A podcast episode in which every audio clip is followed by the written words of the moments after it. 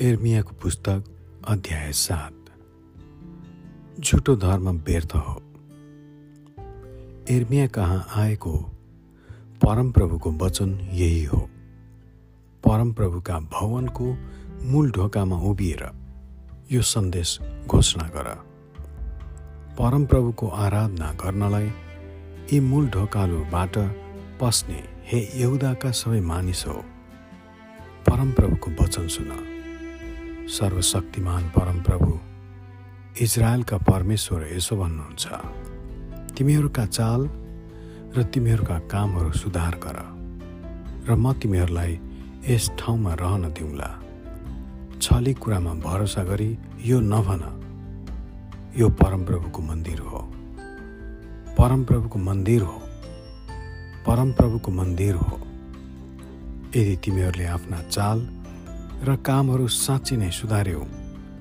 र तिमीहरू एउटाले अर्कासित न्यायसङ्गत व्यवहार गर्यौ भने यदि तिमीहरूले विदेशी टुहुरा टुहुरी र विधवाहरूमाथि अत्याचार गरेनौ भने अथवा यस ठाउँमा निर्दोषको रगत बगाएनौ भने र यदि तिमीहरूको आफ्नै हानिको निम्ति अरू देवताहरूका पछि लागेनौ भने म तिमीहरूलाई यस ठाउँमा बस्न दिनेछु।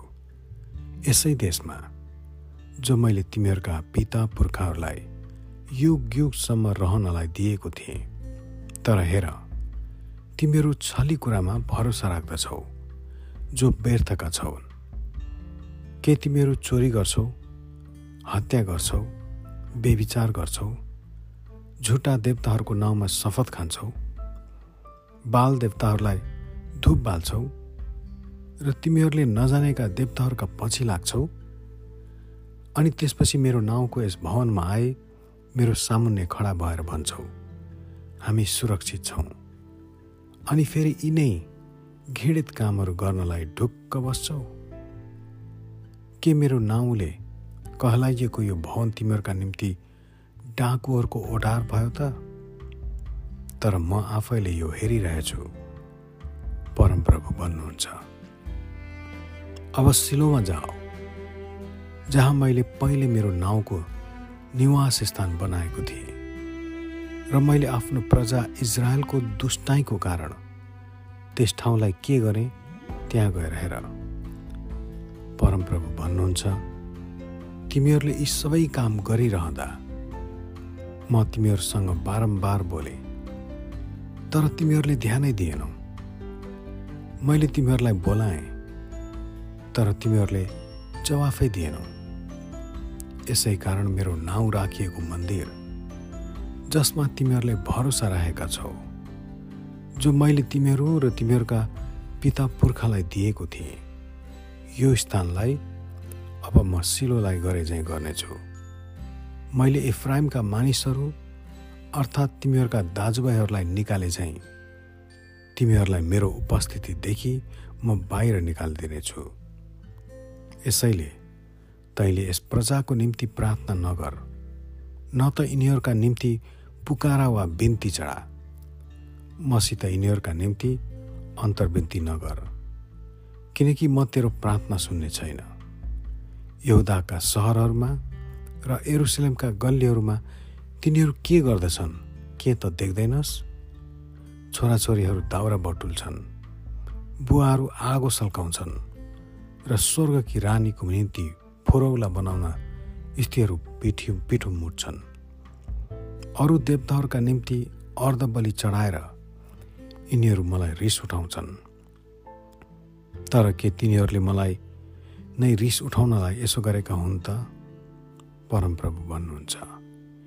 के तिनीहरू आफैलाई लज्जित तुल्याउनलाई आफ्नै हानि गरेका होइनन् र यसकारण परमप्रभु भन्नुहुन्छ यस ठाउँमा मेरो रिस मेरो क्रोध खन्याइने छ।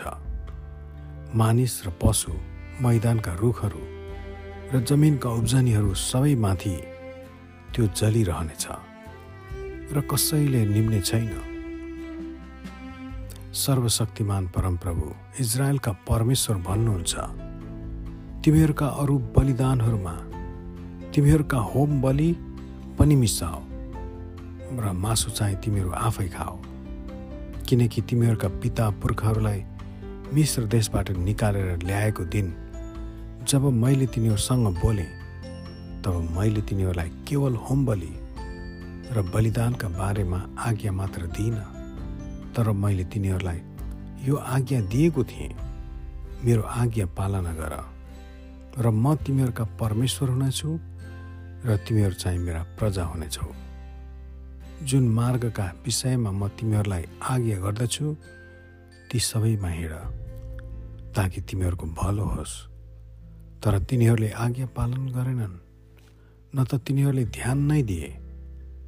त्यसको सट्टा तिनीहरू आफ्नै दुष्ट हृदयको अटेरीपनमा हिँड्दै रहे। तिनीहरू पछि हटे अघि बढेनन्। तिमीहरूका पिता पुर्खा मिश्र देशबाट निस्किएको समयदेखि यसो अहिलेसम्म मैले बारम्बार दिनै पछि मेरा सेवक अगमभक्तहरूलाई तिमीहरू कहाँ पठाएँ? तर तिनीहरूले मेरो वचन सुनेनन्। मेरो कुरामा कान थापेनन्। तर अटेरी भए र तिनीहरूका पिता पुर्खाहरूले भन्दा पनि अझ खराबी गरे। जब मैले तिनीहरूलाई यी सबै कुराहरू भन्छस् तब तिनीहरूले तेरा कुरामा ध्यान दिने छैनन्। तैँले तिनीहरूलाई बोलाएर तापनि तिनीहरूले जवाफ दिने छैनन्। यसै कारण तैँले तिनीहरूलाई भन् यो त्यही जाति हो जसले परमप्रभु परमेश्वरको आज्ञा पालन गरेनन् र उहाँको अनुशासन ग्रहण गरेनन्। सत्य चाहिँ नष्ट भयो। त्यो तिनीहरूको मुखबाट लोप भयो। आफ्नो केस खौरेर फालिदे। नाङ्गा डाँडाहरूमा बिलाप गर किनकि उहाँको क्रोधमा परेको यस पुस्तालाई परमेश्वरले इन्कार गर्नु र त्याग्नु भएको छ। हत्याको बेसी यहुदाका मानिसहरूले मेरो दृष्टिमा दुष्ट काम गरेका छन्। परमप्रभु भन्नुहुन्छ तिनीहरूले मेरो नाउँले कहलाइएको भवन बिटोलो पारी घिनलाग्दा देवताहरू त्यसमा खडा गरेका छन्।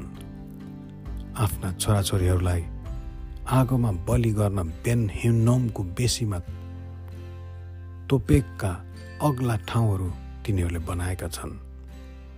यस्तो आज्ञा मैले दिएको थिइनँ। न त त्यो कुरा मेरो मनमा उब्जेको थियो। यसकारण होसियार हो। यस्ता दिनहरू आउँदैछन् परमप्रभु भन्नुहुन्छ। जब मानिसहरूले त्यसलाई तुपेद वा बेन हिन्नोमको बेसी कहिल्यै भन्ने छैनन् तर त्यो हत्याको बेसी कहिल्यै नै छ। किनकि तिनीहरूले आफ्ना मरेकाहरूलाई तोपेतमा ठाउँ नटाउन्जेलसम्म गाड्नेछन्। तब यस प्रजाका लासहरू आकाशका पक्षीहरू र पृथ्वीका पशुहरूलाई आहार हुनेछन्। अनि तिनीहरूलाई तर्साएर धपाउने कोही हुने छैन। म यौदाका सहरहरू र एरुसलेमका गल्लीहरूबाट हर्ष र आनन्दको आवाज दुल्हा र दुलहीको स्वर खत्तम गरिदिनेछु किनकि देश उजाड हुनेछ। आमेन।